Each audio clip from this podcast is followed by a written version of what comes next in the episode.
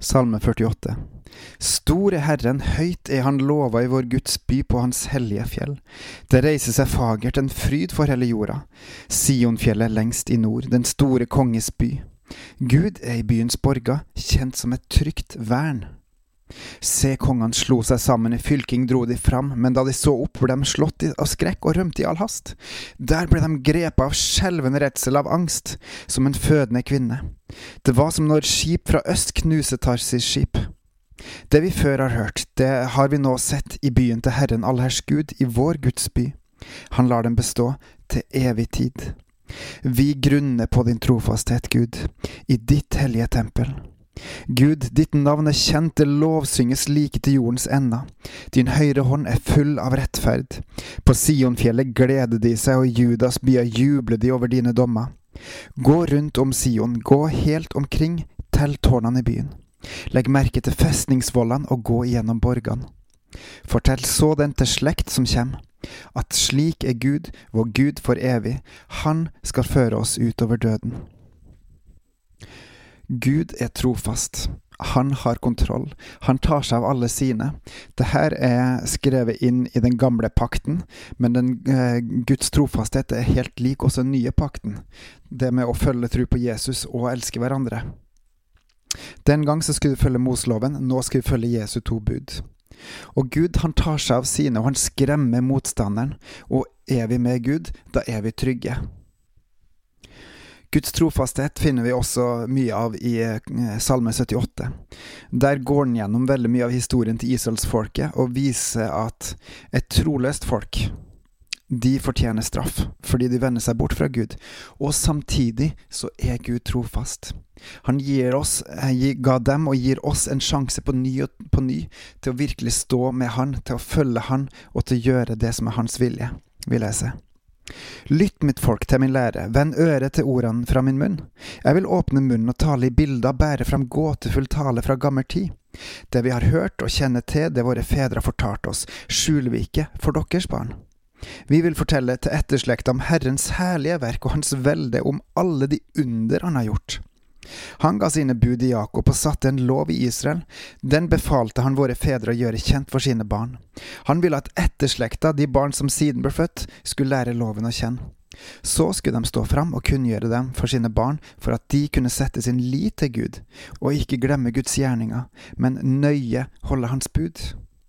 De skulle ikke bli som sine fedre, en trassig og gjenstridig ett, en ett som ikke var fast i sinn, og ikke var trofast mot Gud i sin ånd. Efraims sønner, væpna med bua, tok flukten på stridens dag. De holdt seg ikke til Guds pakt og nekta å følge hans lov. De glemte hans store gjerning og de under han hadde dem, latt dem se. Han gjorde under for deres fedre på Soanmarka i Egypt. Han kløvde sjøen og førte dem over, mens han lot vannet stå som en vold. Han leda dem i en sky om dagen og hver natt i en lysende ild.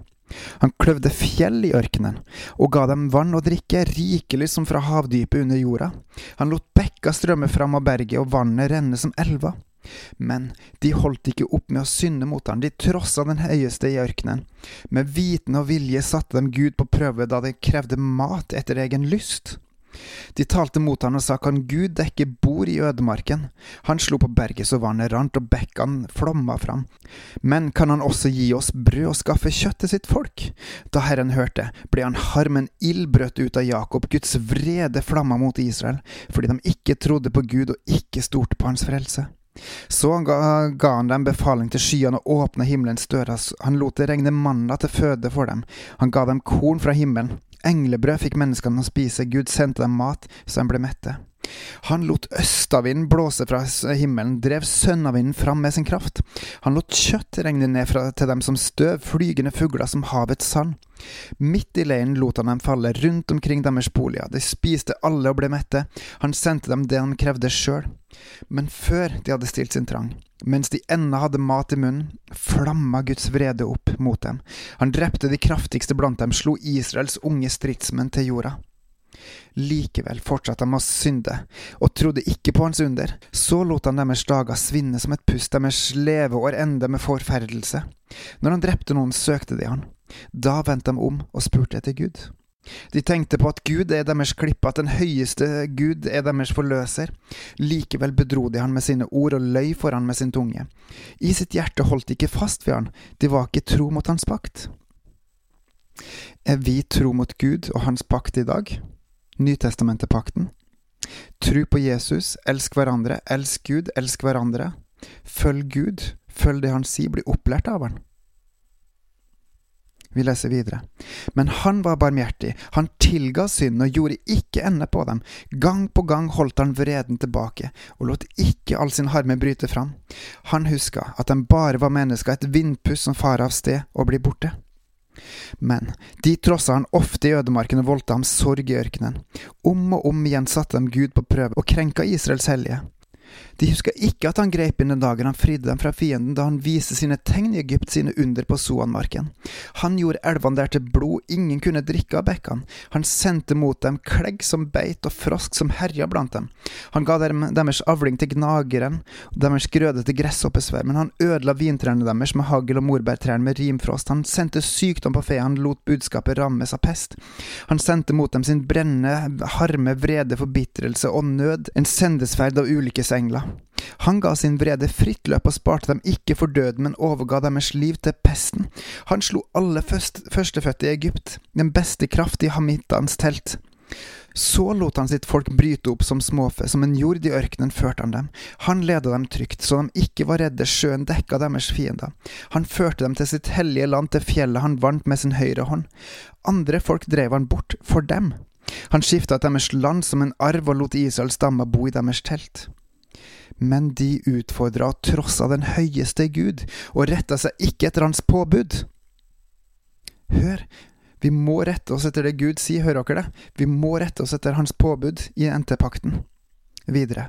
De falt fra, var troløse som sine fedre, de svikta lik en bue som blir slakk, de krenka han med sine offerhauger, med avgudsbildene egga de han. Gud hørte det og ble harm, han vraka Israel helt og fullt.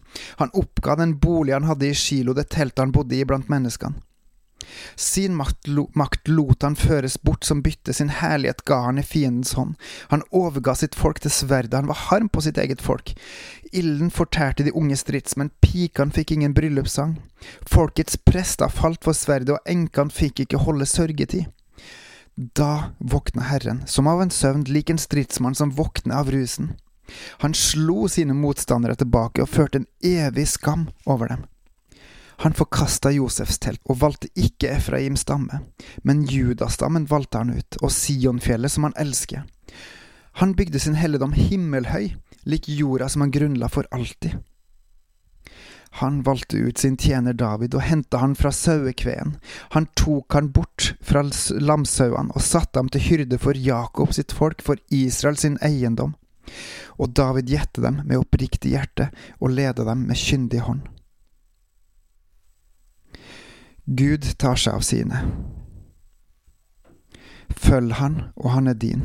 Følg han, og han vil lære deg opp. Følg han, og gjør det som han sier, og du er hans. I den gamle pakten så var David en av hyrdene. Men i den nye pakten så har vi bare én hyrde, og det er Jesus. Vær med Jesus, følg han, gjør det som han sier. Vær med han, søk han, gå til han, vær med han. Tilbe han, opphøy han, takk han, velsigne han, lovpris han. Og fyll deg med hans mat og drikk det levende vann, den ånd som han har gitt oss. Bygg hans rike, be til han gjennom å påkalle, involvere og snakke med han, og kjempe for hans rike og tilbe han. Elsk Gud, elsk hverandre og andre. Les i Bibelen Hans ord til oss. Lytt til Hans Hellige Ånd, og voks sammen med de andre troende, slik at vi hjelper hverandre til å vokse i kjærligheten, til å vokse som familie, til å bygge opp muren og til å stå sammen for Gud. Frykt ikke, for Herren er med oss når vi er med Han. På gjenhør.